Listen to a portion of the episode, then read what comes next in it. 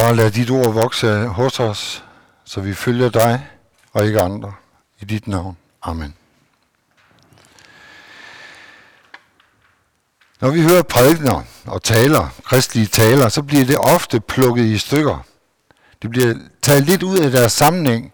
Ikke fordi, at der er noget problem i, at det ikke står, som man forkynder, men hvad er sammenhængen? Hvad er egentlig baggrunden for det, vi læser? For det kan tit kaste lys ind over, hvad det faktisk betyder for os. Hvad det får betydning i vores liv. I teksten til i dag, der møder vi Jesus på vej op mod Jerusalem. Han har forkyndt ordet i Galilea. Han har bespist 4 og 5.000. Han har gået på søen. Og nu skal han så bevæge sig op imod Jerusalem. Han går de her cirka 150 km fra Galilea over Jordanfloden ind igennem det, vi i dag kalder Jordan, på den østlige side af Jordanfloden, for at undgå at gå ind i Samaria, øh, som jøderne havde et pænt sagt anstrengt forhold til. Og der vandrer han så. Her velsigner han de små børn. Her underviser han den rige unge mand om farerne ved rigdom. Og han havde helbredt to blinde ned ved Jericho. Og er så på vej op mod Jerusalem. Men alt imens Jesus er på de her mange kilometers vandring, så kan jeg ikke lade være med at tænke, der må ligge noget i hans baghoved hele tiden. For han ved, hvorfor han skal op til Jerusalem. Jeg tror ikke, disciplinen har kunne mærke det på ham.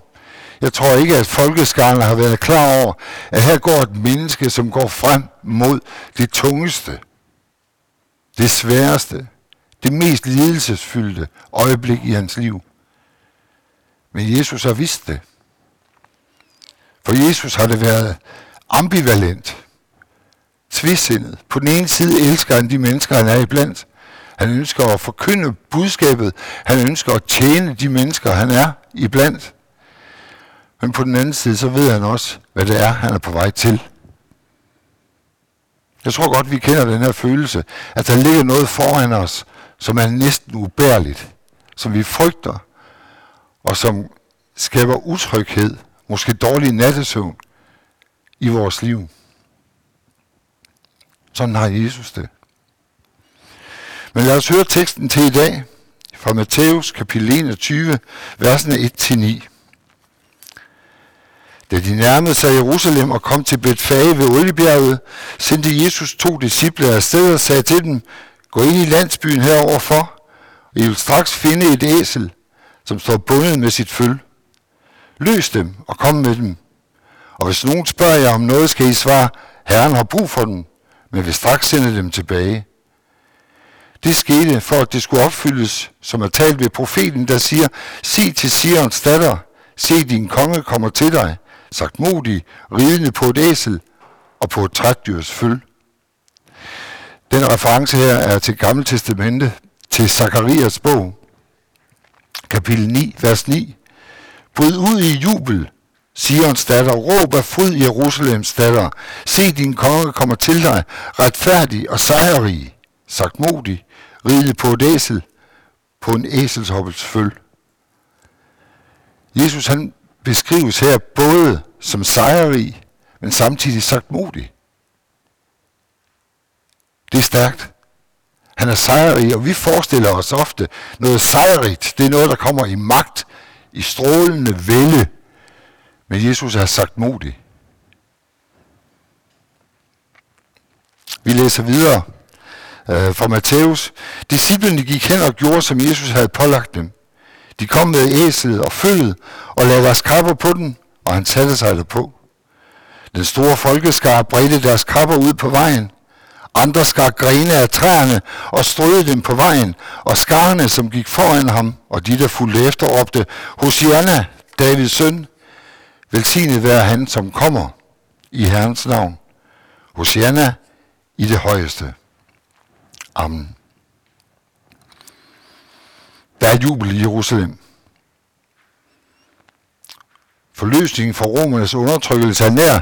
Nu har man i mange, mange år været under fremmed herredømme. Og hvert år til Pesach, jødernes påske, samles man for at fejre, at man altså er blevet øh, udfriet fra Ægypten for mange år siden, at man der får sit eget land og bliver herre i eget hus. Og det har både været en jubel over, hvad der engang skete, men samtidig også en enorm længsel efter at slippe fra det å, den undertrykkelse, som de har været udsat for af romerne og af andre. Det har ikke været en lige vej, jøderne er gået. De har været holdt under et å, en udbytning og et tvang, som det kan være svært for os at forestille os. Langt værre end den besættelse, vi oplevede under 2. verdenskrig. Så jøderne har et håb, en længsel efter, at deres konge kommer til dem. At der kommer en, der kan udfri dem fra de her elendige romere, som udbytter dem. Budskabet om Jesus har løbet rundt omkring i to-tre år. Mennesker har vist, der er altså en eller anden her i landet, som samler, som helbreder, som har Guds kraft. Og håbet står til ham. Nu kommer han endelig, den konge, der skal fri os ud af den her undertrykkelse. Og den store folkeskare tiljubler ham, står der. Både den skare, som han havde med sig på vandringen fra Galilea, men også folk i byen siger, nu kommer kongen, der vil blive befri os. Og jublen er stor, de breder deres kapper ud, de breder palmegrene ud. Hosianna, råber de, velsigne ham, der kommer i Herrens navn. Nu stunder vores forløsning til. Det er jo tit sådan, at med mennesker, så er der en lille gruppe, måske 10 procent er der nogen, der siger, som er let at tænde, som er med på ideen med det samme, bliver begejstret, jubler, er klar til at ofre alt for en sag. Og så er der den store mellemgruppe, de her cirka 80 procent, som er lidt afventende og ser, hvor bevæger strømmen sig hen. Og når de så ser nogle bevægelse, så følger de med. Man kan godt kalde dem medløbere, men det er i hvert fald måske lidt mere sindige mennesker, som ikke sådan lige bliver begejstret med det samme. Det er sådan lidt som, øh, når man laver popcorn i mikroovnen. Så putter man den ind, og så stæder man den på 2-3 minutter. Og så, men der er altid nogen, som aldrig vil. Der er altid nogen, som ikke, der ikke sker noget med. De popper ikke. Og sådan er det også med mennesker. Der er nogle mennesker, som følger, så er der nogen, der tager bestik af situationen, og så er der den sidste, måske 10 procent, som ikke er til at rokke ud af flækken. Sådan der også været her i Jerusalem. Da først den store skare, som fulgte Jesus, bliver begejstret og svinger med palmegrenene og råber øh, og jubler ham øh, som konge, så er der mange i Jerusalem, som siger, yes, nu sker det. Og så er der en masse, der følger med. Jeg tit undrer mig over, at i løbet af så få dage fra palmesøndag til skær torsdag, der sker der en kovending. Fra at juble, fra at tilbe, er det lige pludselig samme skar, der står og råber, korsfest ham, korsfest ham. Og jeg har haft svært ved at forstå, hvordan kan man skifte sind så hurtigt? Jeg er ikke sikker på, at det er de samme mennesker, som står og råber korsfester ham, som dem, der tiludbede ham. Jeg tror, det var den sidste 10 procent, som trak nogle følgere med sig, og fik andre til at gå med på den her pøbelstemning, den her lynchstemning, at nu skulle Jesus op på et kors. Sat i gang, og det står der af yderste præsterne og de skriftkloge. Så vi lagde med Jesus. Vi kalder det her for den stille uge, påskeugen fra Palme søndag frem til påskedag. Men for Jesus var det ikke en stille uge. Jesus havde været inde i templet. I løbet af de her få dage, der gik Jesus ind i templet og væltede vekselerende spor, kastede deres penge rundt omkring, havde talt domsord over templet, havde vasket disciplenes fødder, og dermed også vist, hvad et sandt tjenerskab faktisk består af. Så for Jesus var det bestemt ikke en stille uge. Der skete rigtig meget. Men når vi møder Jesus, både i beretningen her og i det hele taget, hvad er det så, vi forventer? Hvad er det, vi håber på ved at møde ham? Man kan sige, at på mange måder, så er, kan man, dele, man kan sige, at der er noget, der er en sund tro. Og der er noget, der er en usund tro. Eller man kan sige moden og umoden tro. Hvis din tro den består i, at Jesus skal opfylde dine ønsker og dine behov, så er det en umoden tro. Så er det en tro, hvor du ikke har set Jesus uden for dig selv.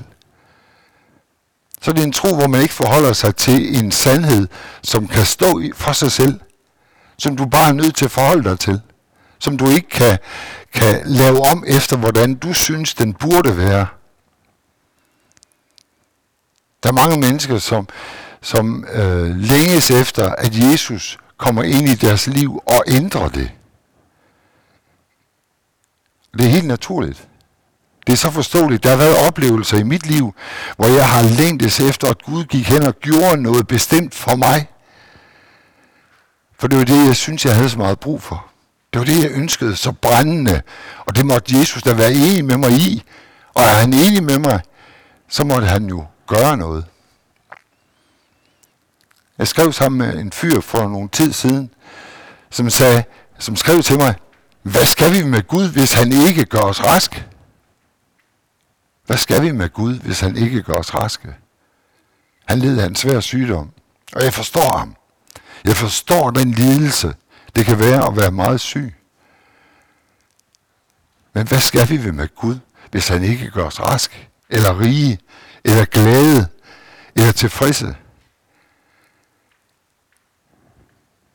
Det er vigtigt at spørge os selv om, hvad er det faktisk, vi længes efter? Hvad er det, vi henvender os til Gud med? Møder vi Gud som den, han er? Med det, vi er? Eller står vi og kræver og forlanger og forventer, at Gud han går hen og ændrer vores liv, ændrer andre mennesker, Giv os den kæreste, vi ønsker os så meget, den uddannelse, vi brænder efter, det job, vi søger, det hus, vi synes kunne passe lige ind i vores liv? Eller møder vi Jesus med det, vi er? Mennesker, som lider under arvesynd, som lider under, at vores fællesskab med Gud er blevet brudt. Dengang Adam og Eva spiste af frugten i Edens have, der blev menneskets relation til Gud brudt. Der blev den gjort svær, nogle gange umulig. Er det den længsel, vi kommer til Gud med, at det brud bliver helet? Vi lever i en falden verden, i en syndens verden. Vi lever i en verden, hvor vi mærker sygdom og død, lidelse. Og selvfølgelig længes vi efter at slippe for det. Selvfølgelig længes vi efter den paradisiske tilstand, hvor der ingen sorg er, ingen sygdom, ingen død. Men vi lever altså på den her jord. Og vores relation til Jesus er den, at vi længes efter, at han skal være hos os. Ikke at han skal fjerne alle stenene på vores vej, men at han er hos os. Og det vil han. Han vil gå sammen med os. Han vil græde sammen med os. Le sammen med os. Glæde sammen med os. Sørge sammen med os. Den relation til Jesus er rigtig og sund. Den relation giver fred.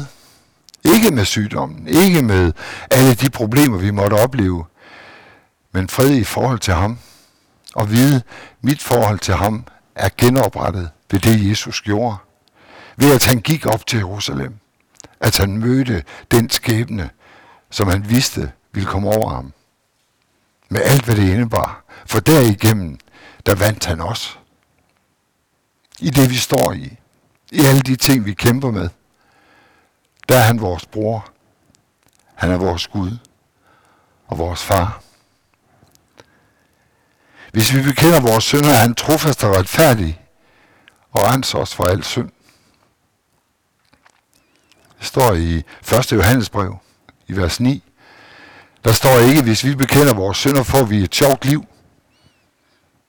eller en sød kone, eller et godt job, eller mange penge. Men der står, at han renser os for vores synd. Det er i os, der skiller os fra ham. Det renser han os for. Og derfor, netop og kun derfor, gik Jesus op til Jerusalem. Derfor gik han op til lidelse, til død, men også til opstandelse, for han kan leve hos os i dag. Amen. Lad os bede sammen.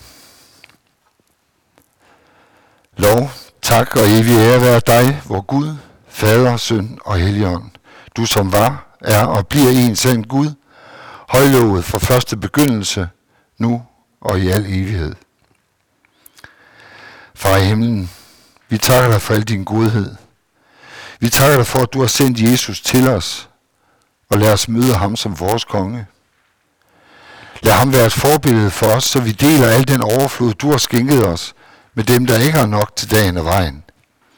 Vis os de veje, vi skal gå, for at tjene dig og tjene vores næste. Herre, vi beder dig, vær vor konge. Lad os få lov til at efterfølge dig i din tjeneste for mennesker, i de vilkår, vi end måtte leve under. Vi takker dig for fred i vort land. Vi takker dig for frihed til at samles til gudstjeneste, og for at kunne tjene samfundet med alt, du har givet os.